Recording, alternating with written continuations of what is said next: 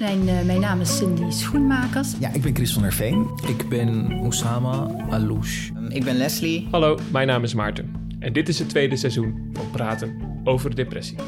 Iedereen kan een depressie krijgen, maar bepaalde groepen zijn extra kwetsbaar. En ik ben uh, non-binair, queer mag je het ook noemen. Ik weet het eigenlijk niet zo goed. Schat het maar gewoon dat ik Leslie ben. En mijn relatie tot uh, depressie is dat ik na de geboorte van mijn uh, dochter een uh, postnatale depressie heb gehad. Ik ben vluchteling.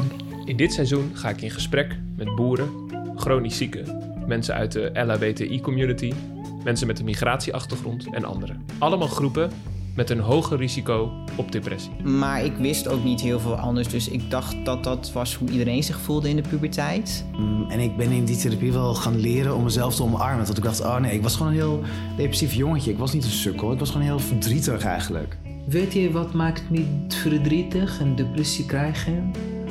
Dat ik heb, no ik heb nodig hulp, maar niemand weet dat. Ik praat niet alleen met andere ervaringsdeskundigen, maar ook met specialisten en professionals. Want wat maakt de ene groep nu meer kwetsbaar dan de ander? Een depressie gaat in zekere zin ook over: kun je je manifesteren in het leven? Kun jij jezelf ontplooien? Um, lukt het om, om in de wereld te zijn? Vanaf 5 maart luister je naar Praten over Depressie, seizoen 2. Abonneer je nu in je favoriete podcast-app.